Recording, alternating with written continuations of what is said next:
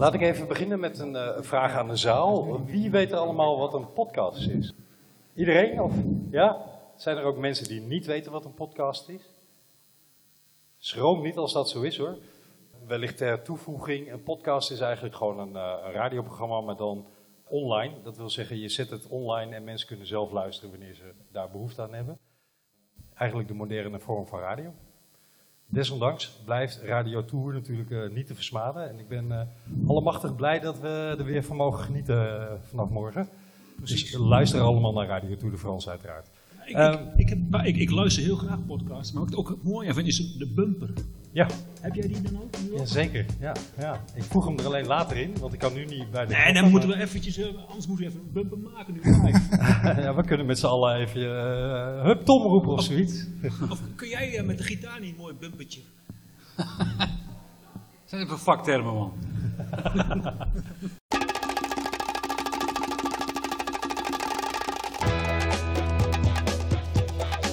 De Velofilie Podcast.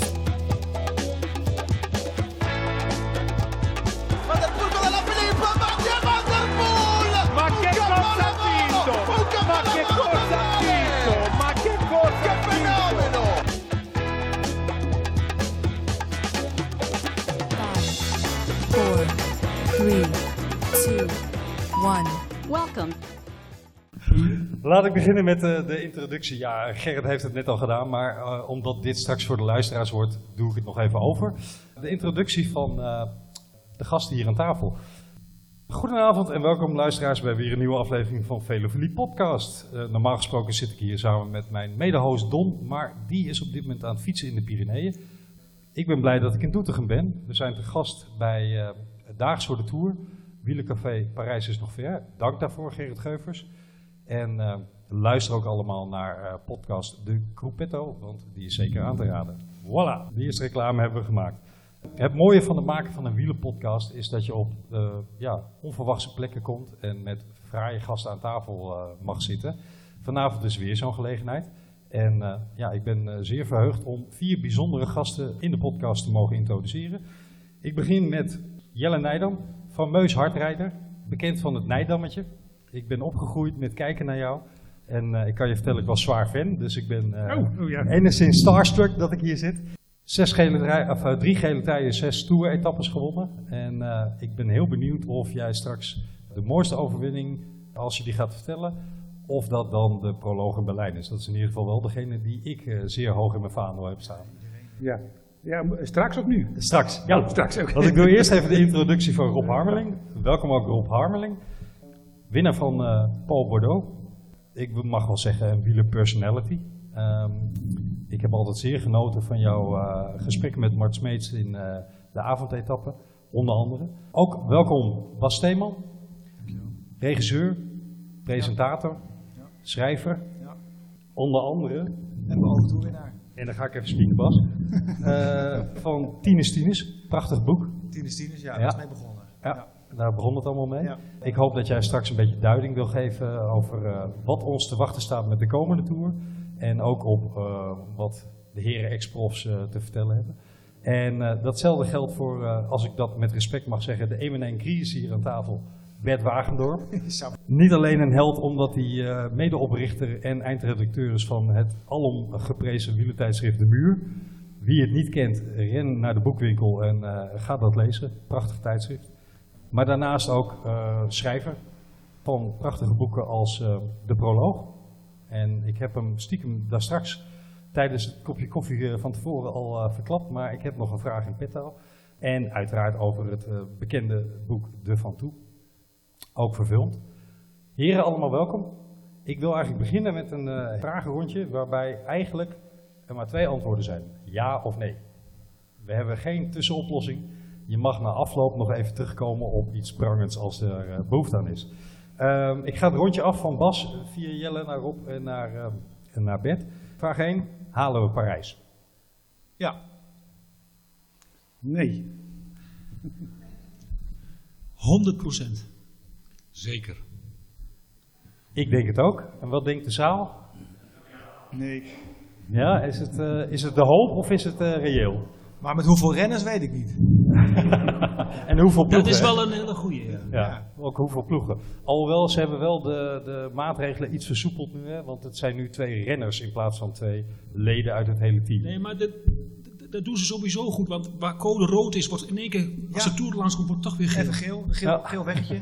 En als er twee renners eh, positief zijn op corona in dit geval, dan is het toch in één keer plotseling vier. Dus dat, dat, dat is, daar zijn ze heel flexibel in. Een soort van hersenlenigheid heeft de Tour heel erg.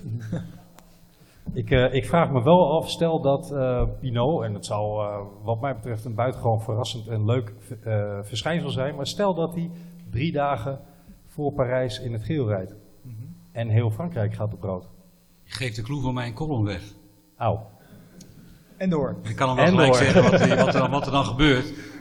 Dat zal ik straks nog een keer herhalen. Dan gaat er eh, een hele me- me- heel mechaniek in werking, waarbij die, eh, die coronatests worden voor donkere maand. En waarbij de twee bes- besmette patiënten, die worden in, eh, in, in bodybags worden ze afgevoerd. En dan- Zolang het geen coureur En is. daarna zeggen ze... nou Wanneer ja, komt de boek uit, Bert? Nee, ja, kijk, het, het, het, het, eh, een van de leuke dingen van de wielerjournalistiek was altijd het eh, gedoe met doping, vond ik tenminste. Ik vond het altijd wel, wel, wel, wel iets bijdragen aan het verhaal van, een, van de Tour. nou, dat is nu weg, want eh, niemand, niemand maakt zich meer druk over een positieve dopingtest. Het gaat nu alleen maar over positieve co- coronatesten. Ja. Ja, die wielers, wielrenners en die hele wielersport is zo flexibel als wat. Dus die gaan gewoon nu eh, dingen bedenken om, eh, om daaraan te ontkomen. Ik, eh, ik ben ook heel benieuwd hoe die, zich dit gaat ontwikkelen de komende drie weken. Vraag 2. Wint Tom Dumoulin de Tour? Ja. Ja. Rob? Ik moet even Denk nadenken. hard na. Rob, Statistisch gezien Rob heb je met pijnst, 99 pijnst richting de hemel. Nee, natuurlijk, dat het maar goed. Ja. Nee. Ah, we hebben een Nou, maar dat dissident is de in de grootste kans om te zeggen. Nee is, er- is, er- is veel groter. Want ja is er maar eentje. En nee, dat zijn 180. Ja. Dus ja, dat is natuurlijk... eh, Maar hoop doet leven. Ik zou het, eh, het- ja. ja, het is ook een beetje wishful thinking. Ik richt mij nog één keer tot de zaal. Wint Tom Dumoulin de Tour? Maar eigenlijk is het heel gek, hè? Want die, die jongen is gewoon 400 dagen uit geweest.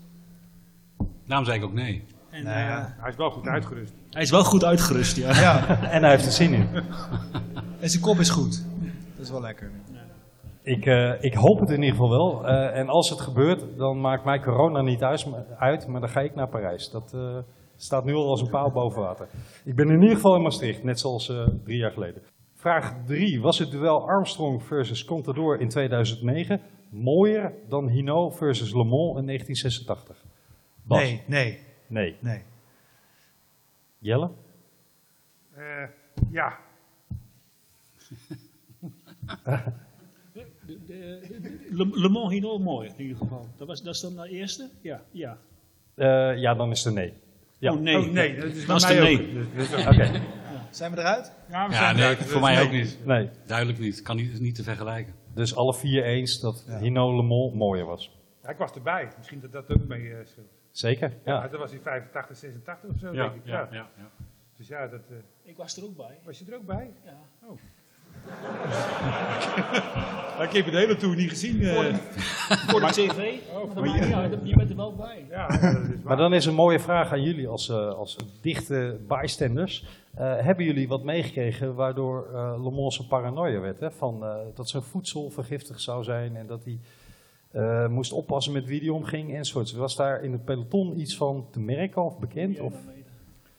Nee, dat verhaal hoor ik ook nu pas voor het eerst. En, eh, en als Hino en Le Monde de, de duel aan het uitvechten waren, ja, dan zat ik al op 25 minuten die dag. Dus ik heb daar nooit wat meegekregen. En altijd als ze aan het rijden waren, Hino en Le Monde, dan zat ik dan voor de televisie eh, in mijn bedje te kijken. En dan kon ik pas zien wat er in de Tour aan de gang was. Ja. Want wij zaten alleen maar in de bus eh, 30 minuten achter Le Monde aan te rijden de hele dag. Dus ja, dat, het is altijd een hele rare gewaarwording eigenlijk. Je zit in de Tour, maar eigenlijk ook weer niet. Want er gebeuren allemaal dingen die je pas op televisie ziet dan op dat moment. Jullie zaten echt in je eigen bubbel. Wat Je dat zat echt in een eigen bubbel. Dat Ja. altijd op tijd binnenkomen, op tijd binnenkomen en eh, op televisie kijken van hoe krijg ik het voor elkaar als ze nog op 30 minuten rijden. En zo ging het eigenlijk alle bergetappes. Dus Maar dat deed- dus niet rond in een peloton of zoiets? Nee, eh, nee, nou, ja, er zat best wel toen de tijd wel iets rond grond. Maar ik kan me er helemaal niks van herinneren. Nee. Alleen ja, ze deden wel net of ze hele goede vrienden waren een keertje toen ze op de weg Ja. of zo. Ja. waren. Maar dat was absoluut niet zo. Dat was alleen maar voor de show. eh. ja. Ja. de Mond eh, die wilde wel graag winnen. En eh Hino was ook een haantje natuurlijk. Hè? Ja, Hino probeerde hem echt kapot te maken. Hè? Hè? Ja. Hino probeerde hem echt psychologisch kapot te maken. Ja, ja, ja. Dus, eh, en Nino had al vijf keer de Tour gewonnen, geloof ik, op dat Ja. moment. Dus ja. En Le Mans drie keer? Twee keer? Die eh, toen, dat was de eerste, Dat was, de dat, eerste was- keer. dat was de eerste De keer, eerste ja. keer Ja. dus, Ik heb- drie keer, ja. Ik heb me later wel eens erover gesproken, Le Mans, en toen zei hij echt dat hij de laatste week ook niet geslapen had van de stress. Ja, Omdat hij toch dacht dat hij geflikt werd. Ja, hij de werd geflikt. Dat, ja, dat was ook de, Ja, duidelijk. ja, Ja. Door de, door de, maar ook door de druk in, druk in de pers. Gewoon, het stond enorm onder Omdat de pers zo Frans was. Ja, Die was nogal voor Hino. Ja. ja.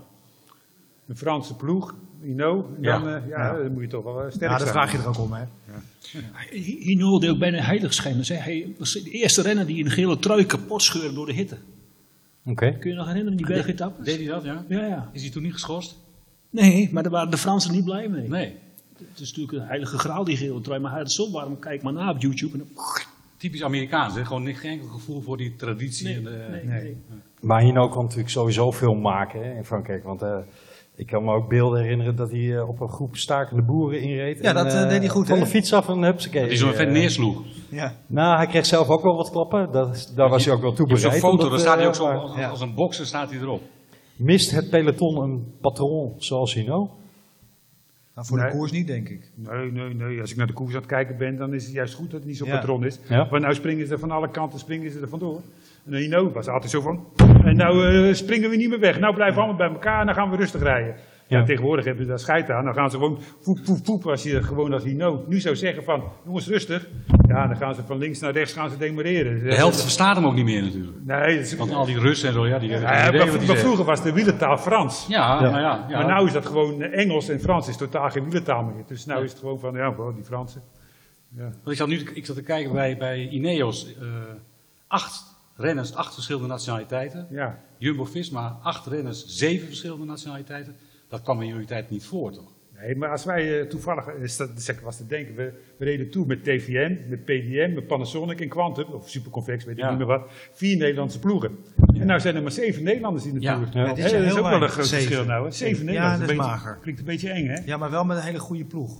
Ja, maar weet je wat het is? Kijk, als Dumoulin wint, vinden we het leuk. Maar als Ja. er ook iets wint, die skischansspringer, Ja, dat dat ja. interesseert helemaal geen mens. En dat zou jammer zijn. Springen, zeg je joh. nou? Ja, hij is een schansspringer of zo. Ja, ja, klopt. Ja, maar dat vindt toch niemand leuk als die wint? Ja, Nee. dat Nee, boeit is mij duidelijk. niet hoor, dat Nee. die wint hoor. Een Maar- soort menshof. Ja. Ja, maar dan ga je zitten kijken en denk van misschien dat hij er wel doorheen zakt vandaag. Ja. dan, Nou ja, dus, dus hoe kijk is- jij dan naar die valpartij van hem?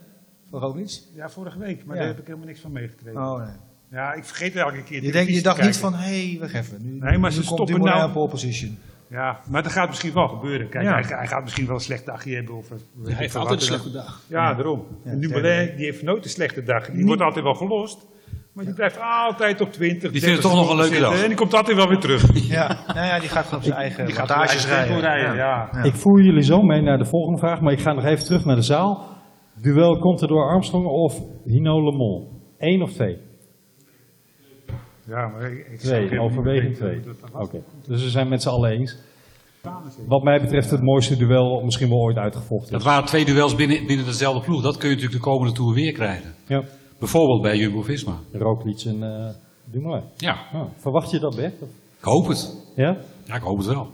Ik hoop dat, eh dat Roglic op een gegeven moment twee minuten voor staat. Dat, eh, dat Dumoulin denkt, ik voel me vandaag toch wel heel erg goed.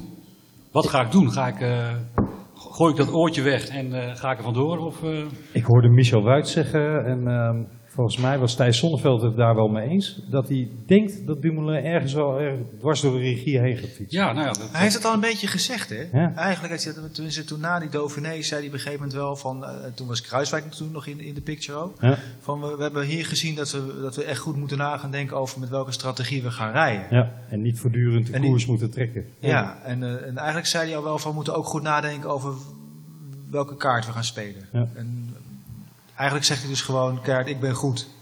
Hij, hij is krasser in zijn uitspraken dan ooit. Ja, Dan, dan, dan voor zijn eh, eh, dramatische val in de Giro, zeg maar. ja, Was het vooral een renner die de laatste twee jaar na, na, na zijn Giro-zegen tegen zichzelf reed.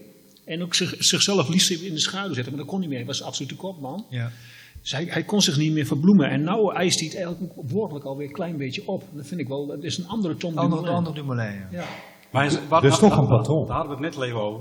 Misschien is dat ook wel zo dat hij nu financieel onafhankelijk is. Nee, dan, dan, dan, fiets je geen meter harder om. Maar dit, Nee, als- nee, maar je houding wordt anders. ja, maar dat kan Nou, zo zijn. denk- Maar eh, je, je kan multimiljonair zijn, maar, maar dan, ga je, dan trap je niet harder om op bed. Ja, dat kan je een mentale verlichting geven misschien. Ja. Maar het kan ook zijn van, ja, zoek maar uit. hij, hij kan onafhankelijker optreden, toch? Nou ja, ik denk vooral dat hij in de, in de Dauphiné gevoeld heeft dat het erin zit. Dat hij eh, in de laatste dagen werd hij gewoon, eh, hij moest dan knechten zogenaamd. Ik denk dat dat heel fijn is, want dat viel er niet zo op. Maar als je zag wat hij, hoe hij presteerde in die laatste dagen van de Dauphiné. Ik nou, en er komt nog twee weken eh, training aan en hij groeit nog aan zijn vorm toe. Tien jaar. Ja, ze zitten nu in die hoge bubbel daar op die berg.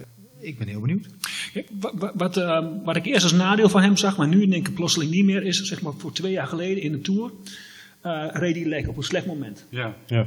Op dat moment ging hij ook gelijk, de, de ploeg maakte toen de ene fout naar de andere. Verkeerde kant wisselen. En, eh, eh, maar hij is zelf de sterkste renner. Hij had gewoon zelf de gat gewoon dicht moeten Ja, maar het begon, hij, ging ook, hij ging ook aan de verkeerde kant. ging tussen de Ja. schouders en weet ik allemaal Klaar. En alles was niet meer eerlijk. Maar die Roglic, die valt in de Giro. Eh, eh, en eh, is roze trui valt hij.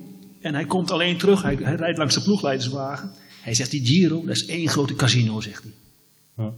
En boem, hij rijdt peloton erin. En, en, en eh, ah, die Engels, die denken, ja, die hoeven wij geen moraal in te praten. Die hoeven geen schouderklopje van je Dat was een beroemde plasincident hè, van En- Adi Engels. En, eh, Dat waren was- even op het dat- dat verkeerde moment aan plassen, Dat was ja. even een ander momentje. Maar die, die jongen die is zo stoïcijns. En eh, voor hem is het wielrennen, dat, is- eh, dat, is- dat is- dat staat ook in een recent interview, helemaal niet zo belangrijk. Dus plotseling is zijn leven gekomen. Dat, dat, kon- dat kan niet toevallig goed. ja. Hij vindt het wel prima. Hij doet zijn stinkende best. En eh, hij, hij ziet wel wat het resultaat is. En hij durft ook te zeggen van, ik ben de grootste favoriet. En dat is hij denk ik op dit moment ook. Ja. Maar hij gaat het niet redden. Dat, dat hoop ik van harte. Ehm, Kan, het, ik- mag- maar ja, kan- er nog eens zoiets ontstaan, zo, zo, ik noem het maar even zo'n uh, mappaatje, dat, eh, de, dat, dat, dat er ergens op een kantoor in Nederland bepaald gaat worden van welke kaart... eh, Dan gaat die, die, die, er niks op uitdoen. Die Nee? rijdt er dwars doorheen. Ja, ja, ja. Maar Nee. is een andere periode. Hè. Je hebt nou, de, de- de- de- eh, je hebt deze periode betere dingen of mindere dingen. Ik, noem dat deze, ze hebben tegenwoordig zoveel, eh, de sponsoren hebben zoveel te vertellen, maar ook de, managers, dat ze bijna, de renner bijna geen eigenaar meer is van zijn eigen succes. Maar dit, dit, dit, dit moet toch door te veel lagen heen. Dus meneer Jumbo kan niet bellen en zeggen van jongens... Nee, in eh, onze tijd, als er naar ons werd gecommuniceerd, dan kwam Jan Raas, in mijn geval Kees Priem, kwam achter ons staan, er zat niemand tussen. Oké. En dan was het werd een keertje, in- oh dat mag nou niet meer hè. In je nek geknepen van eh, als je morgen dat en dat niet doet, dan, dan kan je op de trein naar huis. Nou op dit moment is dat niet meer mogelijk, want er staan er twee of drie managers eerst tussen. Oh ja. En dat is nou ook, dus kan meneer Jumbo kan roepen wat hij wil. Maar dat gaat, dat gaat niet gebeuren. Maar voor de omzet van eh, bananen heeft hij natuurlijk liever dat Dumoulin wint. Ja, wat dacht je? Gerevaneerd. Ja. Ja. Toch? Wat ook werkt is bijvoorbeeld eh, Louis van Gaal uitnodigen bij de avondetappe en dan Ja. Jumbo Vismarkt noemen. Visdag. Dat je dan weer een, een nieuwe... eh, dat kan ook. Ja, Louis van Gaal überhaupt uitnodigen. voor, de Jumbo, ja, ja. Ja. Tenzij Ik ga naar de volgende de vraag. supermarkt wilde openen in... eh, De volgende vraag is eigenlijk, eh, ik ga een voorzetje geven, eh, terug naar de Tour van vorig jaar. Het incident met eh, Tony Martin en volgens mij Luke Rowe. Waarbij je duidelijk kon zien dat Jumbo zei, wij rijden hier op kop. En eh, Ineos toen nog, je komt er even niet langs. Hè? Want in de komende Tour is het Ineos Grenadiers. Eh, maar je komt er niet langs. Beide uit de Tour gesmeten, terecht, onterecht. Ja, ja, ja. Dat is moeilijk natuurlijk. Ja, misschien is het wel een bij. beetje terecht. Hè? Want als je eh, bij voetbal iemand onderuit schapt, krijg je ook een rode kaart. Dus in feite, eh heb je gezien met Groenewegen en met eh, Jacobsen. Eh, Maar dit was in jullie tijd heel gewoon, toch? nou ja, heel gewoon. Maar toen waren er ook niet zoveel camera's bij. Hè? Dat is wel waar. Dus ja, kijk, nou wordt alles gemonitord. En ja, alles wat je doet wordt gefilmd. Van boven, van opzij. Alles, hè, de laatste kilometer. Ik heb ook nog wel eens een keer de Amstel race. Ik bijvoorbeeld een keer derde. Maar ja, eh, Van de Poel die kwam naast me rijden. Tijdens de sprint. En die pakt mijn broek vast. En die trekt zich va- eh, vast. Laat je raas het niet horen. En eh, ik zeg, kut, daar gaat hij. En ik probeer er nog achteraan te gaan. En hij wint. Ja, tegenwoordig zou ze zeggen van, eh, van de Poel gedeclasseerd. Ja. Maar ik had geen poot om op te staan op dat moment. Dus ja, wat dat betreft is het allemaal een beetje veranderd natuurlijk. En alles wordt gefilmd. En het is natuurlijk ook wel goed. Hè, van, ja, het- je kan ook zeggen van, nou ja, laat zitten. Maar ja, goed, dan is de hek van de dam. Dan gaat iedereen wat doen wat niet mag. Ja. Dus eigenlijk is het wel zo van, eh, het is wel een beetje terecht. Want ja, je moet toch ergens een, uh, een streepel. Hè? Dus ja, ik vind het wel terecht uh, om het zo maar even te zeggen. Ja. Dus we hebben een ja. Jij zei ja, hè, Bas? Ja, ik zei ja. Ja. Rob? Ik, ik, ik, ik, ik kijk ook altijd van waar de wielersport vandaan komt. En uh, met, met, met, is met het hele leven zo, met, met, met, als je nieuwe inzichten krijgt en de tijd gaat gewoon veranderen. Maar toen wij, uh, uh, jij bent een heel klein beetje ouder, maar toen wij werden opgeleid als wielrenner, zeg maar, en je kwam bij de grote jongens in de kleedkamer, dan, dan, dan, dan, dan moest je iemand kennen, dan durfde je pas naar binnen. Dus de hiërarchie was heel erg groot. Het is denk ik hetzelfde van, uh, je ziet verschillende leeftijden in de zaal, maar hoe, hoe je vroeger hoe je opkeek tegen de meester van de school en weet ik allemaal wat. Er was een hiërarchie. En je, daar luister je naar. En je werd opgeleid en je moest bepaalde dingen doen. Ja. In Nederland heb je geen bergen. Wie fietst hier? Bijna iedereen? Ja. Dan heb je de waaiers, hè? Dus dan, dan moet kun je, met tegenwind kun je dan het, het, verschil maken. Met de platte berg, zoals ik het altijd noem. Mm. Maar dat leerden wij die moest snoeihard zijn. Die, en die waaien kan vijf of zes man in. En dan moest je iemand er maar uitrijden. Ja. Dur, dat durfde ik natuurlijk niet. En dan kwam mijn ploegleider na het Hij zegt, jij bent een watje. Als jij coureur wordt, dan moet je hem gewoon dat op dat. Ja, maar dan valt hij van zijn fiets af. Dan valt hij maar van zijn fiets af. Sterker nog, Rob, moet hij daar niet Je moet iemand gewoon uit die waaien kunnen. Ik weet zelfs dat ploegen uh, reden... Uh, en, en, en, als je dan, als dan je als ploeg redelijk goed van voren zat, dan wist je gewoon na zoveel kilometer gaan we het waaitje, gaan, gaan we een half baantje pakken. Ja. Want dan weten we, dan gaan er achter jongens in de problemen komen. En als ze op hun bek gaan, is het jammer. Ja. Zo, zo, dat zou je nu niet meer doen, denk ik. Maar toen, in die jaren, was en, dat... En, en, en, je had dan, er mocht niemand aan je ploeggenoot komen. Niemand. Dus ik heb een keer een probleempje. Ik reed bij Gezellen en uh, toen was ik nog maar uh, uh, 16 jaar, ik kreeg een contractje, maar dan mocht ik alleen in, in, Spanje met een voorbereidingskoers in, in, de buurt van Lorette de mocht je meerijden met, met, met de amateurs. En uh, daar hadden wij Dries Klein als topsprinter. En, uh, maar toen had je net die vroeg van Frans Cardi. Hoe heet die ook alweer? Univers. Ja. En die had uh, Gilles Brussing. Ja. De lege, de, de, de, daar was iedereen bang voor. Die had, dat was een sprinter ook uit Amsterdam en weet ik allemaal wat. En die, die, die, die had in boxfilms gespeeld, hadden ze me verteld. En die kon karate, weet ik allemaal wat. en die, die, geweer bij zich. Die, ja, die, die, trok onze sprinter naar achter en die won de etappe. Maar onze ploegleider Ben van had gezegd: Rob, als er iemand aan ons rennen zit, dan moet je gelijk de opslaan. Altijd goed. Ik denk: shit. Jules Brusing, en nu? Ik denk: ja, het moet maar, weet je wel. En dat is de eerste keer hè, dat, breuk, dat ik Breuking uh, kwaad heb gezien. Erik Breuking. Heb je Erik Breuking wel eens kwaad gezien? Nee. nee. Nou, in ieder geval kwam erop neer dat een, een klein vechtpartijtje ontstond. Uh, dat Erik Breuking Jules Brussing op de uh, motorkap van een gezellige ploegleiderswagen gooide. En dat we elkaar beschermen. Maar zo zijn wij opgegroeid. Ja. Je moet, dus dat akkefietje, om daarop terug te komen. Mm -hmm. ja, zo hebben wij het wel geleerd.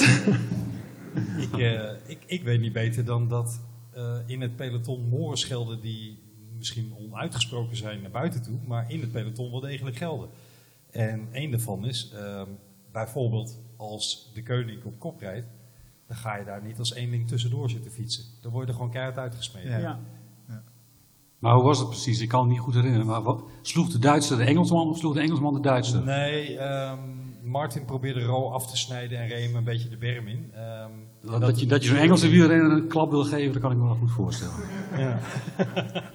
maar ze, ze kunnen ook heel de lopen treiteren, hè? Dat, dat kan ook, dat, dat, kun je op beeld niet zien. Maar, ja, met woorden. Precies. Ja. Ja, en, en even tegen je wieltje aanrijden. En, de waarheid is een negenkoppig monster. Ja, ja. Maar het was eigenlijk de inleiding naar de volgende vraag. En ook hier geldt voor alleen ja of nee, ondanks dat oh. ik wel toegeeft dat deze lastig is. Wielrennen is veilig genoeg. Bas? Nee. Jelle? Nee, nee, nee. Rob? Nee. Het veiligste wielrennen is niet wielrennen. Ja. Ja, zoals dus het is niet veilig. Zoals De Maar zich in topvorm traint voor de Tour. Zeg het is per definitie niet veilig. En als het helemaal veilig zou zijn, 100%, dan bestaat volgend jaar het wielrennen niet meer. Nee. Want in de marketingmix van het wielrennen hoort gevaar. Dat is, dat is een, ding. Ik, ik, uh, ik, ik, zie niet graag renners vallen. Nee. En ik vind het heel eng om naar afdalingen te kijken. Maar ik, juist het, het feit dat het gevaarlijk is en dat het mis kan gaan, dat zuigt me ook die tv binnen. Wat vindt de zaal? Veilig genoeg? Ik denk dat, ik denk dat de morus op het ogenblik is, Bert, dat iedereen hè, uh, door de valpartij van Fabio Jacobsen, door de valpartij van Remco Evenepoel. Ja, maar dat was nog een stuurfout. Ja, even de poel was Ja, maar onge hè? ongeacht de oorzaak, hè, eh, vorig jaar de ronde van Polen, eh Björg Lambrecht, wat Ja. ook de oorzaak is. Ik denk dat iedereen op het ogenblik wel van mening is dat er te veel incidenten zijn. Ja, maar dat heeft ook veel te maken. Kijk, zo bijvoorbeeld nou gaat de Tour beginnen. Mhm. 190 man of 180 man, allemaal nerveus. Ja. En dan eh, de ploegleiding eh, die eh, smijt de boel op met die oortjes. En van voren, van voren, wind komt van links. Of, en ze worden allemaal nerveus. En dan krijg je de sprint. 180 man gaan naar de sprint. En dan kun je de sprint nog zo breed maken als je wil. Dan maak je die weg 200 meter breed. Ja. Ze gaan allemaal naar elkaar toe in de sprint. En ze Ja. gaan allemaal aan de kant rijden. Ja, en dan krijg je valpartijen. Want, die- want hetzelfde wat je kreeg met Jacobsen en de Groenewegen. Ja. Het maakt niet uit hoe breed het of hoe smal het is. Ze kruipen naar elkaar toe en je krijgt valpartijen. En ook in die afdalingen, ja, er zitten altijd linkerbochtjes in. En misschien dat je daar wat aan kan doen. Dat je zegt van nou staat iemand met een vlaggetje, zoals eh eh, Remco even, even de poel was gevallen. Hè. Die, die Ja. was in de bocht gevallen, best wel een linkerbocht. Ja. Ja. daar kan je iemand neerzetten met pas een beetje op. Hè. Het is een beetje een linkerbocht. Het was ook een heel staaltje goed wielrennen van Nibali. Zo, je zet hem onder nou, druk. Ja, Ja. maar het is een superafdaler natuurlijk. Ja. En wat gebeurt er als je een superafdaler probeert te volgen? Ja. Gaat niet goed. Nee. En dat ging ook niet goed, hè? Dat, eh, want ja, dan ga je boven je macht naar beneden rijden. Ja, dan ga je fouten maken. Ik heb het ook wel eens. Ik, kan- ik kon redelijk afdalen. Ja, ik hoef niet eh, een Jalabert of weet ik wat toen de tijd bij te gaan houden, want dat lukt niet. Maar dan ga je fouten maken. En, Ja. en dan ga je ook no- nooit verbeteren. Hoor. Want ik- je gaat op een bepaalde manier naar beneden. Je kan misschien iets verbeteren, maar een super afdalen word je nooit zoals een Nibali. Ja, en als Van Evenepoel dat gaat volgen, ja, dan ga je fouten maken. Dus je had die beter even kunnen laten gaan. Maar ja, goed. Het, eh, Weet je wat ik het frappant vond van die val? Ja, niet zozeer die val, maar daarna. En dat ging eh, van de week wel op, op, op, op Twitter eh, van die filmpjes rond. Dat daar iemand van zijn ploeg, Bramati, ja. die pakt daar iets uit zijn achterzak Ja. en doet het in zijn broekzak. Dat vind ik echt al. Dat vind ik voor jou, wat- wat Albert, alweer een dat aanleiding om daar een boek over te Dat heb ik schrijven. gemist. Ja, was het zo? Pakte hij iets uit zijn Ja, hij haalde iets achter, zijn, achter de een zak. zendertje. Nee, want die, zat toch, die zit niet in je achterzak. Nee, die zit die onder zo shirt. hoog onder zijn shirt. Maar wat denk jij, Bas, dat daar gebeurde dan? Nou ja, ik, de- ik denk niks. Maar ik wil er ook niet, niet denken dat er wat gebeurt. Maar de- Wat hoop je dat er niet gebeurde? ik denk niet dat het een jelletje was. Oké. Maar ik vind het, het gewoon, door die, omdat die camera overal bij is, krijg ik ook nu de kans om weer van alles te gaan denken, wat het misschien helemaal niet is. En zo wordt het ook wel weer op Twitter natuurlijk neergezet. Maar ja, vanzelf als zat er een ouderwetse finale koker in die die uit zijn zak haalt. Dat bedoel ik. Ik Ja. bedoel, eh, ja, Ja, maar niemand weet wat de finale koker is. leg het even uit, ja. Dat weet ik niet. Nee. Nee, maar dat is een kokertje met, eh, met, eh, met tabletjes. Hè, en dan eh, finale tabletjes, ca- cafeïne, Cafeïne, of weet ik wat er guarana allemaal in zat. Dat was vroeger altijd. Ik weet niet of dat nog zo Nu is. een colaatje. Een kokerfinale koken. Maar ja, het- meestal zat er nooit zo bijzonder veel in. Nou ja. Ja, toch? Maar ik vond het zo'n frappant moment. Dat je gewoon, je Ja. renner ligt daar, het eerste wat je doet, hij ligt en je pakt iets uit zijn achterzak. En je stopt het bij jezelf in de broekzak. Ja, dat vond ik ja, denk, nou, ja. Broekzak? ja. Die ploeg, dat was die ploegleider. Ploegleider. hè? Oké. Laatste vraag. We gaan even een oversteekje maken naar de zuidenburen. We hadden het net al over hem. Eh, Remco Evenepoel is een toekomstig grote rondewinnaar. ja, Ja, ja. als hij hiervan herstelt. Ja. Ja? Ja, Ja, Ja, iedereen zegt het, dus het zal wel. Het is, eh, er zijn er op dit moment denk ik een stuk of vijf, zes die, die het in zich hebben om Ja. over vijf, zes jaar de Tour de France te gaan winnen. Daarom denk ik ook dat eh, Dumoulin moet opschieten als hij nog wat wil. Want er komt nu zo'n steengoede eh, generatie aan van jongens van 21, 22, 23. Ja. Sivakov, eh, Carapaz, eh, Pogacar. Pogacar, ja. dat is- en, er komen, en daarachter zit alweer een, een- zit nog een, weer een, Ja. een generatie van eh, potentiële toppers. Dus Het zijn alleen helaas geen Nederlandse jonge renners die eh, daarbij aansluiten op dit moment. Ja, ik heb het eigenlijk niet gevolgd of daar... eh, Nou, we hebben we die leemreizen. Nou ja, ja. Gijs, maar we hebben Tijmen Ja. Aresman. Die zit nu bij, eh voor mij is hij net prof geworden bij Sun, eh, Sunweb. Zeker, groot Ja. talent. Maar op dat niveau al? Nou ja, maar op dat niveau, meneer Aresman, die trapt dezelfde, ga ik even technisch lullen, eh, die trapt dezelfde waardes als meneer Dumoulin. hè, Op die leeftijd. Op ja. die leeftijd. Ja. En hij werd tweede in de, in de, in de weet dat ding, eh, de, de Tour de l'Avenir, achter zekere Pogacar volgens mij. Ja. Dus die, die zit op hetzelfde niveau. En die is nu, heeft nu, hij nu is afgestudeerd geschiedenis. En nu is hij prof geworden.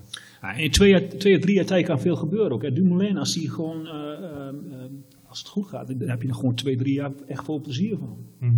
En dan, is- dan ziet de wielerwereld er, er ziet er weer heel anders uit. En ehm, zo'n Evenepoel, uh, de, de, de, fysieke mogelijkheden, uh, die heeft hij wel, maar altijd wel in, in, in koersen waar de stress en het belang iets minder is. Ja. Ja. Dus om een tour of een grote ronde te spelen, spelen hele andere dingen mee. Je wordt, je wordt overal onder druk gezet. En je vroeg net van, is de wielersport veilig? Maar die is nooit veilig te krijgen, maar je probeert je tegenstander gewoon te vermoorden. Op elke plek wat maar mogelijk is. Precies. Zijn de kasseien, denk je, ha, hier ga ik hard, want daar kunnen ze niet, daar durven ze niet. Ja. Hier is het smal, hier is het stoffig, hier is dit, hier is dat. Je, je doet alleen, sport is laten zien hoe goed dat je bent. En Het hoe- creëert, sport creëert afstand. Sport is geen verbroedering. Ja, nu. Als we nou gezellig gaan fietsen. Maar sport is gewoon, je wil excelleren, je wilt de beste zijn. Kijk eens wat ik kan, wat ik durf. Zo worden die sprinters ook. eh, ik heb een klein beetje te doen met Dylan, met Dylan Groenewegen. Ja. Maar sprinters worden ook, dat is een heel speciaal groep. Je hebt klimmers, je hebt tijdrijders, allemaal speciale mensen, hebben allemaal andere eh, karaktereigenschappen. Maar sprinters, dat is een heel speciaal groepje ook. Sprinters rijden op plekken, wij hebben ze altijd vervloekt, hè. Dat je, dat, wij dachten, die idioten, daar ga je toch remmen, gekken weer. Ik kan waren altijd schreeuwers, eh, extroverten, weet je wel, Cipollini, eh, Abdusuparov, weet je wel. Ja. Aparte. En die reden op plekken, daar weet ik, ja, maar daar ga ik niet rijden, want ik kom nooit, ik kom nooit meer thuis, ik breek alles. Ja. Iedereen had zo'n type sprinter in de ploeg. Maar die, ze haalden wel de etappes binnen. Ja. Je zit vaak met vijf, vier, vijf eh, eh, ploegen in een, hotel, in, een, hotel, met de tour vaak ook. En dan is er maar één sprinter die de etappe wint. En dan, toen de tijd had je nog geen kok hè, eh, van, van de ploeg. Dus iedereen had hetzelfde eten. Zit je in die grote restaurantzaal, dan kom je allemaal naar de, naar de, naar de tafel en dan zit die sprinter daar. Die is geklopt. Hè. Op een gegeven moment was er non-verbale communicatie naar je sprinters op. van jij durft niet hè. Ja. Wij zijn de hele dag voor jou aan het werk, we maken waaiers, maar jij durft niet, hè? Kwakken, jij durft niet te kwakken, wij, wij zetten je af, maar jij durft niet, hè? Je bent een scheiterd.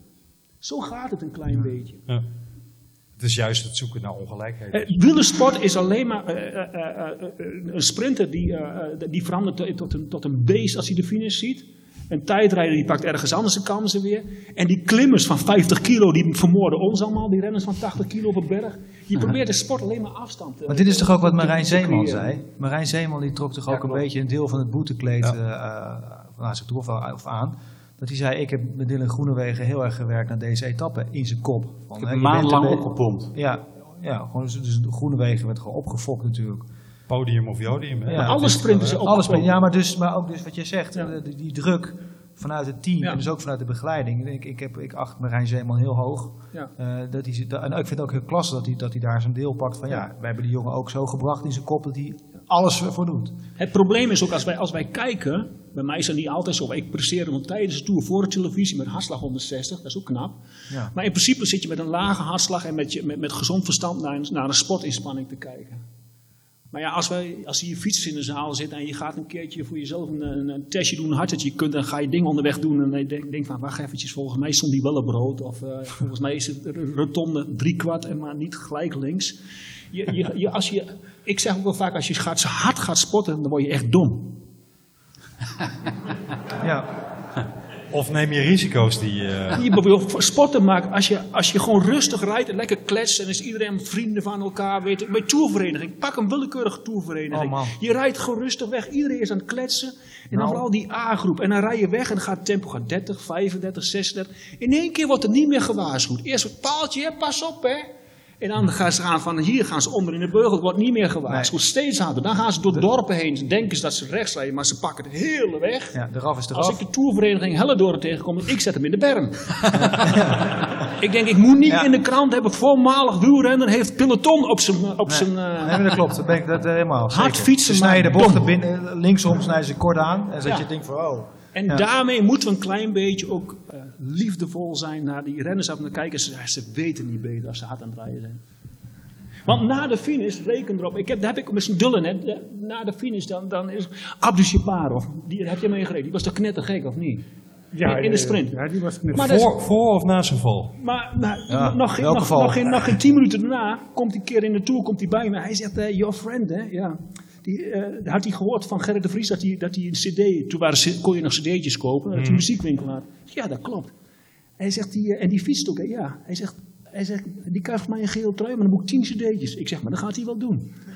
Ik zeg, geef maar een lijstje wat je, wil- wat je wil hebben. Alles van Barry Manilow. Oké. ja, dat verwacht je niet, nee. nee.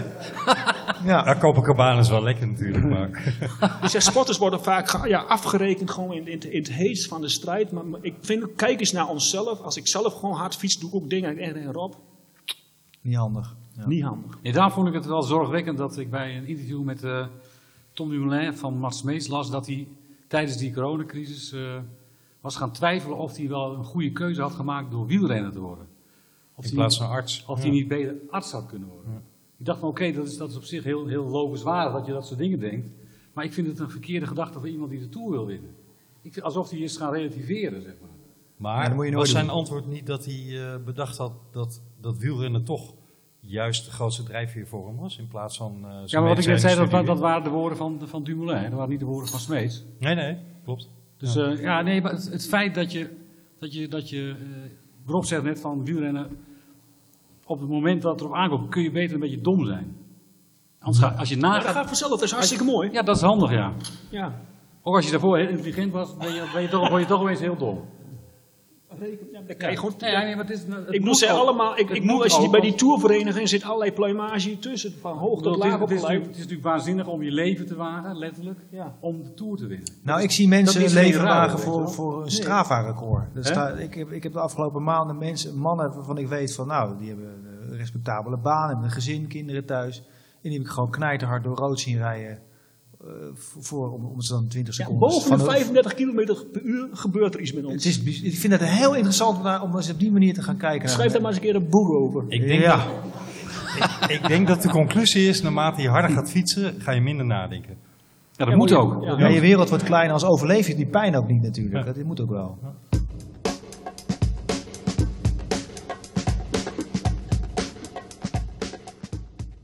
Maar het Eh, is, over, over hard fietsen gesproken. Sorry Rob dat ik een bruggetje, maar dit is wel de ideale Ja, kans dit- om ja, dit is- een jump naar Jelle Nijdam te maken en eh, te vragen wat vind je eigenlijk zelf jouw mooiste overwinning?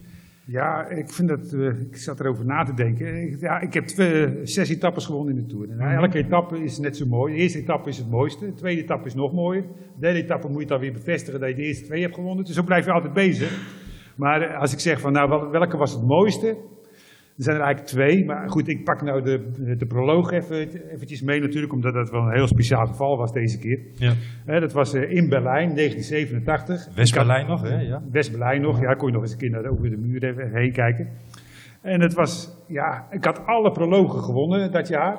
En ik denk van ja, je kunt wel alle prologen winnen, maar het is hetzelfde als met de Olympische Spelen natuurlijk. Je kan alles winnen, maar als je de Olympische Spelen niks pakt, ja, dan heb je eigenlijk helemaal niks. Nee. Dus ik dacht van ja, ik moet winnen die dag, ik moet winnen die dag. Dus we hadden een dokter in de ploeg, dokter Pluimers. Eh, Ken je die nog, Rob Pluimers? Ja, die kwam uit Zettergenbos. Uh, hij leeft nog steeds, geloof ik. En die zegt tegen mij, Jelle, weet je wat je moet doen? Eh, ik had het al eens een keer eerder verteld. Je moet eens, als je naar het podium toe rijdt, eerst in de auto gaan zitten, vanuit het hotel in de auto gaan zitten. Je gaat in de auto ga je naar het startpodium. Je stapt uit de auto en je vertrekt. Ik zeg, nou, moet ik dan niet warm rijden? Nee, nee, nee, want alle krachten moet je sparen. Ik denk, nou, ik zeg, nou ja, ergens klonk het wel logisch. ik denk, nou ja, hè, Je was al een beetje dom aan Ik worden. zeggen, je wordt als dom boven de 35 per uur. ja, ik denk, ja, ik, ik, ik denk van ja, goed, alle inspanningen die ik daarvoor doe, die, eh, die kan ik nou lekker opkroppen. En die kijk dan als ik op het podium sta. Dus ik denk van, nou ja, vooruit, dat doe ik dan. Hij zegt, hij, hij vroeg ook nog 10% van mijn gage daarna. Oh ja, goede dokter. Ja, hij was een goede dokter. En ik zeg, nou ja, vooruit krijg je van mij. Als grapje zo natuurlijk. En eh, ik sta op het podium en ik zat te twijfelen. En zo van, ja, heb ik hier eigenlijk wel goed aan gedaan natuurlijk. dus ik vertrek. Nou, dat wil je niet weten. Dat is hetzelfde als je de trap oploopt. De eerste drie treden gaan nog, maar dan eh, begint de verzuring. Kwam uit mijn oren. Ik denk, nou, dit gaat niet goed komen. Maar ja, ik denk, nou ja, dan moet ik maar doorheen fietsen. Je En, eh, won, je won uiteindelijk met drie seconden verschil, hè, volgens mij. nou, iets, ietsjes meer. Ja? Kom op, ietsjes meer. Hè? Ietsjes meer. ik dacht een seconde of twaalf. Ik wil het een beetje mooier het was maken. wel spannend, laten we het Het was wel zeggen. spannend. Ik denk, Piasecki was twee, Tour uit drie, Breuken vier of zo. Was, zo uit mijn hoofd, dus het was best wel een leuk podium. Maar was, dat, was dat misschien zo spannend doordat jouw voorbereiding dus eigenlijk niet klopt? Ja, dat was helemaal gekloten natuurlijk, die voorbereiding natuurlijk. Maar ja, eh, ik denk, ja, die dokter die weet het wel. Hè? Dus ik denk, nou ja, ik kan maar doen wat hij, wat, wat hij zegt. Want ja, hij is natuurlijk slimmer dan ik ben op dat moment. Maar ja, nu denk je van, oh, dom, wat dom. Hè? Want ja, je was helemaal niet ingereden natuurlijk. En je weet hoe dat voelt. Dus ja, maar ik won die proloog. Dus ja, aan de andere kant denk ik van, ja, ik heb me nu met zoals jij zegt, met drie seconden gewonnen. Ik had het misschien wel met 25 seconden Ja. kunnen winnen, bij wijze van spreken. Dus dat, ja, dat zou ik nooit meer weten. Nee. Maar dat was eigenlijk wat ik zeg van, nou ja, proloog winnen, gele trui. Ja, dat kon, dat kon natuurlijk niet mooier. Ik heb hem maar een half dagje gehouden, dat was natuurlijk wel jammer. Maar het was natuurlijk wel hartstikke mooi op dat moment. Ja, voor de luisteraars die dit niet snappen. Vroeger had je in de Tour het verschijnsel dat je een A- en een B-etappe had. Oftewel twee etappes op een dag. Vier Ja. keer eh, start- en finishgeld. Kassa. Ja, kijk, eh, En bedankt voor de heren coureurs, want jullie genoten er niet zo van, geloof ik, hè? Eh, Van die twee etappes op de Ja, dag. ja. Nou ja, dat is nooit fijn natuurlijk. Want ja, het is fijn natuurlijk, want je moet 's morgens al heel vroeg uit je nest. Je moet rijden. Dan ga je natuurlijk, smiddags ga je pasta eten waar je helemaal geen trek in hebt. Eh, dus eh, dan ga je allemaal naar binnen zitten werken. En dan moet je smiddags weer starten. Dan moet je weer opladen. Ja, dat, dat vond ik allemaal maar niks. En zeker die dag, na die proloog, hadden we ook twee etappes. En ik startte s'morgens in de gele trui. En smiddags pakte Nico Verhoeven de gele trui. Of de gele trui niet, maar die won de middagetappe. Ja. Daar was ik helemaal niet blij mee. was wel een ploeggenoot op dat moment. Ja, het liefst had ik natuurlijk de gele trui gehouden. En ik zeg ook altijd, vaak zitten de concurrenten bij jou in dezelfde ploeg hoor. Dat, dat, is, Ja. eh, dat is heel vreemd. Want als je zegt van uh, Roglic en uh, Dumoulin, ja, die, die, die Roglic... Ja, die, en die zit Dumoulin echt wel in de gaten te houden hoor. Dat is echt niet zo van, oh, nou, als één van ons twee wint, is het goed. De- denken jullie, stel dat Tom in het geel rijdt. En, eh en Roglic staat daar, nou pak een beetje, binnen 40 seconden vanaf. Haha. Denk je dat hij zich gaat inhouden? Nou ja, hij gaat wachten op een heel slecht momentje van Dumoulin en dan Ja. pakt hij zijn kans. Ja. En dan kan hij zeggen, ja, Dumoulin was niet zo goed. Als je heel slim bent, Een soort Froome eh, Ja, dan ga je op dat moment ga je dan zeggen van, en dan kun je het ook uitleggen naar de, Ja. de ploegleiding toe of naar de pers. Zo van, ja, hij was slecht en eh, ja, ik moest wel, want eh, anders zouden we, hè, het, is, het is maar hoe je het uitlegt. Verdedigend rijden. Verdedigd rijden. Maar ik heb ook wel eens de Ronde van Nederland gereden. En toen was het, eh, had ik ook de gele trui, of de oranje trui, welke was dat? En, en ik stond aan de leiding en de knaap zat bij mij ook in de ploeg. En die zei van, ja, weet je wat, ik probeer met een groepje weg te rijden. En dan hoef jij niet te rijden met de ploeg erachter. Dan is dat, eh, maar ondertussen dacht hij, ja, maar dan ga jij die eh, oranje trui van me afpakken. Hè, dus dat gaat niet gebeuren. Dus ja, dan zat je altijd eh, te rijden. Zo van, ja, maar knapen gaat niet demareren. Eh, Dan spring ik in het wiel. Dus ja, je moet altijd een beetje uitkijken. En zeker, dat, dat kan helemaal fout gaan op dat moment in de ploeg. Maar volgens mij is dat ook inderdaad gebeurd met Froome en eh, Wiggins. Ja. Een keertje van, ja, het kan ook... eh, averechts werken. En ik ben bang dat dat misschien wel een keertje gaat gebeuren. Maar ja, dat maakt het ook alleen maar spannender op natuurlijk. Hè. Maar ze hebben toch heel bij, bij, bij Jumbo toch zo'n eh, eh, heel gesprek gehad. En, en, dus dat is allemaal gewoon voor de... Voor de Ja, kijk, als Roglic de, de, de, de, de Tour kan pakken, dan gaat hij de Tour pakken. Tuurlijk. Dus dan gaat hij echt niet zeggen van, nou, eh Dumoulin, je mag hem voor mij ook winnen. Nee, natuurlijk niet. Nee. Dat is te belangrijk voor. Alleen ja, hoe dat gaat. Ja, je moet even dat momentje zoeken in al die etappen. Ja, dat je ja. Even iemand die 30, 40 meerijdt of seconden kan pakken. die- ja. En dan zeggen van, ja, nou, nee, je hebt het goed gedaan. Ja. En ondertussen denk ik, Bas, het gesprek is weer met een hartslag bij die renners Vet. 30. 30 hè? Ja, daarom. Dat is, eh, En dat verandert weer als je Ja. boven de... En boven de 1500 meter komt Precies. ook, dan, eh, ja. Ik wil nog ehm, twee momenten pakken. Rob, jij won misschien wel de beroemdste toerstad, eh, althans in Nederland, hè, want het is in, eh, in Frankrijk wel anders. Maar eh, voor de Nederlanders is Bordeaux een soort heilige graal naast Alpe d'Huez. Jij won daar de etappe. Was dat voor jou extra speciaal om in Bordeaux te winnen? Was dat een extra focus voor je? Of was het gewoon, de gelegenheid was er en dat het Bordeaux was, was mooi meegenomen? Nou, ik vond het wel makkelijk, want is, je hebt ook de plaatsnaam. Ik denk, die kan ik niet eens uitspreken. Ja, Bordeaux is goed te doen. ja. En, eh, maar ehm, eigenlijk... ehm, Wist je wel dat je in Bordeaux was? ik wist dat ik in Bordeaux was en ik wist ook eigenlijk van tevoren van het toeval bestaat niet dat ik die etappe wel ging winnen. En eh, dat was de eerste keer dat ik in, in mijn leven binnen de TVM-ploeg gewoon een carte blanche kreeg. En eh, namelijk de dag ervoor een bergetappe. We zaten toen, de, de, de, proloog was toen in San Sebastian en we doken gelijk de bergen heen. En onze kopman die zakte gigantisch door het ijs heen, Gert-Jan Teunissen. En toen was de enige manier dat de ploeg kon overleven was één etappe-overwinning. Want zo belangrijk was de Tour toen ook al ja. die de, die, die de meubelen voor de ploeg kon redden. En dan eh, voor de hele ploeg, ook voor degenen die thuis zitten. En Priem die kwam eh, eh, s'avonds eh, eh, met een legendarische ploegbespreking. Die komt de hotelkamer binnen en eh, s'avonds na het eten zit op één kamer dan. Hè, en die doet de deur open. Rob man binnen. Best, be- beste ploegbespreking hele goede, ooit. Goede tactiek op En zich. wij wisten wat we moesten doen. En, Wel eh, duidelijk. en, eh, en, en ik, ik denk, wat, wat, wat, wat, wat gaat hier allemaal gebeuren, weet je wel. En, eh, het eigenlijk, nee, het ontstond eh, eh, in de etappe ervoor. Ik reed bergom, nog- maar moest nog één berg. eh, nou, jij reed die tour ook. Ja, maar ga me niet meer zeggen welke berg. In, hè. ik hoor het. In ieder geval, eh, Guido van Kalsen die komt naast me rijden. En die zegt, Rob, je moet je Assistent laten... ploegleider. Ja, assistent. Eh, Rob, je moet je laten lossen. Ik zeg, Guido, ben je helemaal lekker? Ik zit in de bus, nog één eh, beklimming van 20 kilometer, afdaling, finish. Hij zegt precies, je, je mag nog 20 minuten verliezen bergop. En afdaling verlies je toch bijna niks. En, eh, eh, eh, want hij zegt, die Teunis is door het ijs gezakt en jij moet morgen winnen. De ploeg gaat voor jou rijden, dat was het. Ik zeg, ja, maar Guido, klaar niet. Laten lossen. Hij zegt, maar dan doe je benen niet zo, niet zo pijn. En hè, wij hadden eigenlijk nooit van herstel gehoord, hè? Nee, nee, ja, alleen een beetje muesli na afloop van de koers gelijk. hè. Dat was onze herstel. eh. Ja, maar, Ja. maar, maar echt van, van, van, van eh, het was heel eh, plastisch bijna. Van, ah ja, als je, wij testen ons benen altijd als ze de trap opliepen. Als ze niet zeer deden, denk je, oh, dat kon wel eens een mooie dag worden. Maar van hoe je moest herstellen, dat soort dingen allemaal, daar, hadden we helemaal geen weet van. Voor, voor de mensen die het niet gezien hebben, je kunt het op YouTube terugvinden. Prachtige overwinning, ook prachtige beelden van jou. Eh, weet iemand in de zaal toevallig de bijnaam van Rob? Want die was die dag wel van toepassing. Ja, ik denk dat Rob het zelf niet eens weet. Nee? Dat was jouw bijnaam. La douze. De oui. douze. Oftewel de 12. 12, oh ja. De twaalf. De twaalf. Was het niet Coco daar reed ik liefst op, weinig schakelen. Zat Coco Coro ook niet in de kopgroep doen? Puis la puissance, la vitesse, la fougue, la détermination de Rob Armeling. En Rob en Rob. Rob met er ook. En die mannen hadden duidelijk geen 12. Armeling, magnifique vainqueur avec un finish époustouflant.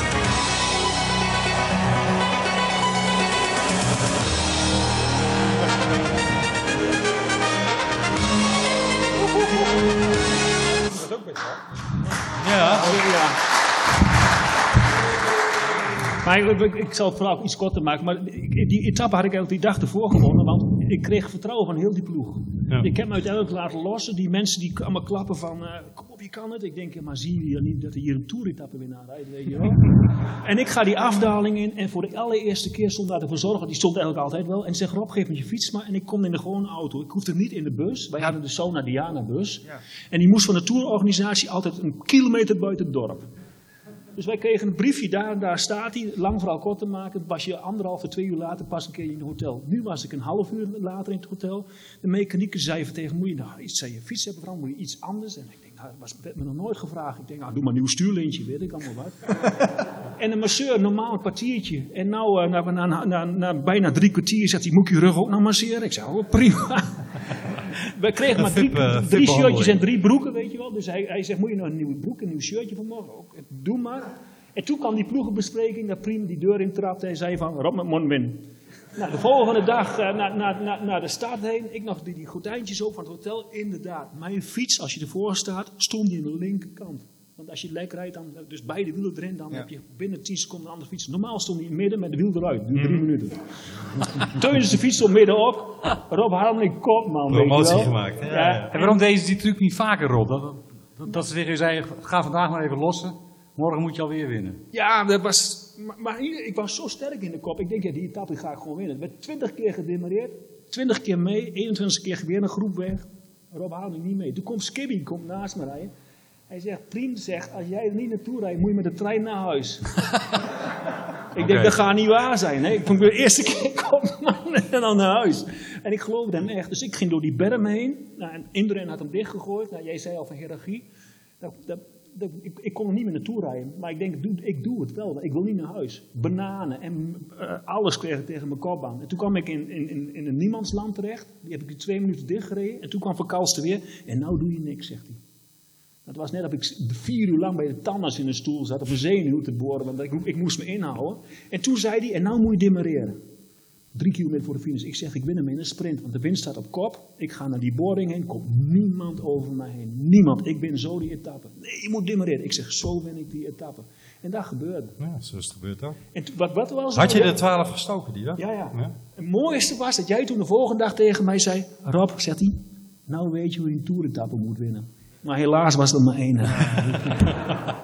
Prachtig verhaal. Ik, eh, ik wil afsluiten voor eh, wat betreft het podcastgedeelte van deze avond met een ehm, misschien wat onverwachte vraag, maar dat is om iedereen scherp te houden. Namelijk wint Wout Poels een etappe. Bas, Roodpoels? Nee. Nee. Jelle, Ja. Die heeft altijd één goede dag. daarom. Ja.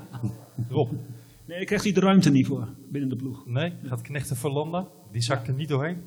Die- de- deze toer gaan de renners opstaan waar je normaal zegt, die zakt er toch doorheen. Nou, Wout Poels mag hooguit rijden als Landa er al doorheen gezakt is, denk ik. Ja, dat denk ik ook, ja. ja. Bert? Ik, eh, ik piek in mijn surf, maar ik zou het echt niet weten. Nee. Nee, ja.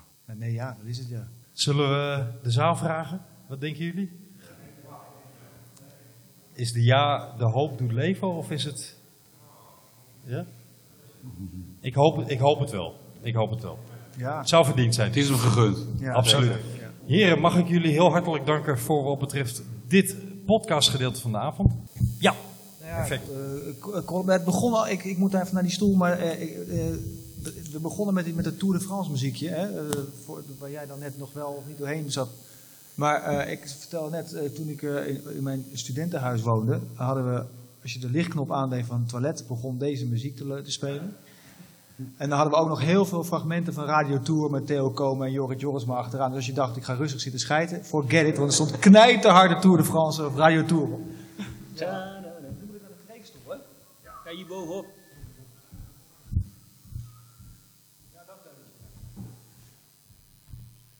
Het is bij iedereen wel bekend waarvoor het eigenlijk gemaakt was. Hè? Dat is eigenlijk voor het leger bedoeld. Met zo'n Muppet opa. Ja. Het is geschreven voor een promotiefilm van eh, de Landmacht. Nou ja, dat, dat, dat doet hij het. Ja? Nou, dat, dat, dat, dat tourgevoel, die tourgekte om zeg maar, je wc in te, of in te richten met zo'n radiotour eh machine, die hadden we in het plafond weggewerkt, dat is natuurlijk ergens begonnen, die, eh, die, die tourgekte. Ik ben een kind van de jaren zeventig. Eh, dus eh, zolang ik me kan herinneren, wonnen Nederlandse renners gewoon eigenlijk alles wat er te winnen viel. Het is een beetje een vertekend beeld van de werkelijkheid, bleek later. Maar, ehm, en mijn vader speelde een belangrijke rol. Want de enige momenten dat ik eh, absoluut mijn kop moest houden, was als de koers op de televisie was. En dan won ook nog in 1980, ik was negen, eh won Zoetemelk. Nou, dat weten we allemaal, natuurlijk 40 jaar geleden. eh, de Tour de France. En, nou, toen, en toen bleek ook nog dat de ronde van Nederland vlak bij ons huis langskwam. Ehm, en ik neem jullie even mee naar dat moment. Ik heb het beschreven al in, in, in een roman, dus misschien kennen jullie het fragment maar. Een paar weken na de Tour de France van Joop leerde ik al jong de wijze levensles dat de koers veel belangrijker is dan werk of school. Als verrassing verscheen mijn vader in de klas. Kan ik hem een paar minuten eerder meenemen? Verrast had de schoolmeester hem aangekeken. Dit is privé, zei mijn vader resoluut. Buiten versnelden we onze pas zonder dat het rennen werd. Is er weer iets met mama? vroeg ik geschrokken. Nee, stap maar gauw in, klonk het geruststellend. En zijn ogen glansden. Echt, moet je, moet je niet werken? Nee, nu even niet, nee. Hup. Hij grijnsde ondeugend. Ik kroop achterin. De auto brulde en sprong op als een hongerig monster. Mijn vader reed alsof we de laatste trein moesten halen. Zuchtend bij elk rood, fel gasgevend zodra het groen werd. Waar gaan we heen? Verrassing. Nou, niet naar opa en oma, want dan hadden we hier naar rechts gemoeten. Ook niet naar mijn oom en tante, want dat was hier ergens. En met mijn hoofd tussen de voorstoelen keek ik naar de teller, die de wettelijk toegestane maximumsnelheid ruim overschreed. En we reden op een brede weg die ons naar de rand van Apeldoorn bracht. En ik had geen idee. Wel viel me op dat de bermen druk, druk bevolkt waren. Mensen met klapstoelen en van die plastic kistjes waarin lauwe frisdrank lauw bleef. Plotseling trapte mijn vader op de rem en stuurde rechts tussen twee bomen door naar een lapje groen dat net groot genoeg was voor onze auto. We zijn er, we zijn op tijd. Ik stapte uit, voelde hoe een hand de mijne pakte. Kom! We liepen naar een plek waar mensen met zullige petjes samendromden. Ineens drong het tot me door. Mijn vader had erover gelezen in de krant. De ronde van Nederland kwam door Apeldoorn. Hij knikte enthousiast. Binnen een half uur zijn ze hier. Ze. Het peloton. De mannen. De helden uit de Tour die ik kende van de televisie. Misschien zelfs Johan van der Velde. Ik sidderde. Echt? Ja, hier kan je ze goed zien, want uh, hier moeten ze echt klimmen, wist mijn vader, die blijkbaar heel goed over deze plek had nagedacht. Ik keek voor me uit naar de heideheuvels aan de overzijde. De weg voerde hier omhoog. Hier zouden de echte klimmers wel van voren zitten. Johan van der Velde. Met wangen gloeiend van opwinding tuurde ik de weg af. Mijn vader had het zelf gezegd. Ze komen zo. Een kwartier later waren alle bermen gevuld met auto's en mompelende mannetjes. De twee exemplaren vlakbij rookten sigaren en keken langs hun vinger naar een lijstje rugnummers in de krant. Ze luisterden naar een klein transistorradiootje dat op het dak van hun auto stond. Er is er één alleen weg. Een Fransman, zeiden ze tegen elkaar. Er is er één weg, papegaaide mijn vader. Ja, een Fransman, wist ik. Mijn vader tuurde in de voor hem bekende houding de weg af. Gespannen blik, handen in de zij, wippend op zijn tenen. Het zou nog minuten duren voordat de eerste motoren kwamen. Maar erachter verscheen een wit stipje. De Fransman. Die ligt twaalf minuten voor, zei het mannetje met de sigaar, maar nu met de radio tegen zijn oor. Ik kroop tegen mijn vader aan en zag hoe een zwart-wit geblokt Peugeot-shirt de Uggelse berg opfietste. De Fransman van wie we de naam niet wisten en nooit meer zouden achterhalen. Ik had het wel snel gezien. Buitenblad.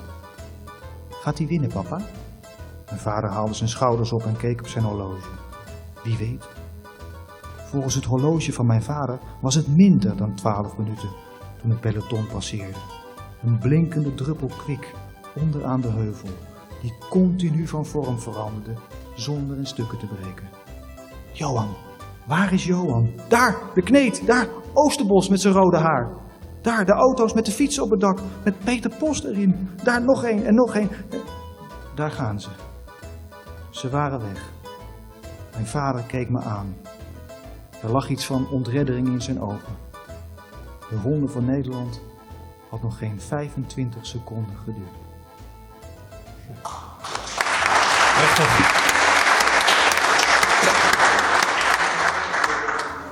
Dan uh, rest mij niks anders dan voor de luisteraars te zeggen. Bedankt voor het uh, luisteren en uh, we zien en horen elkaar in de Tour weer.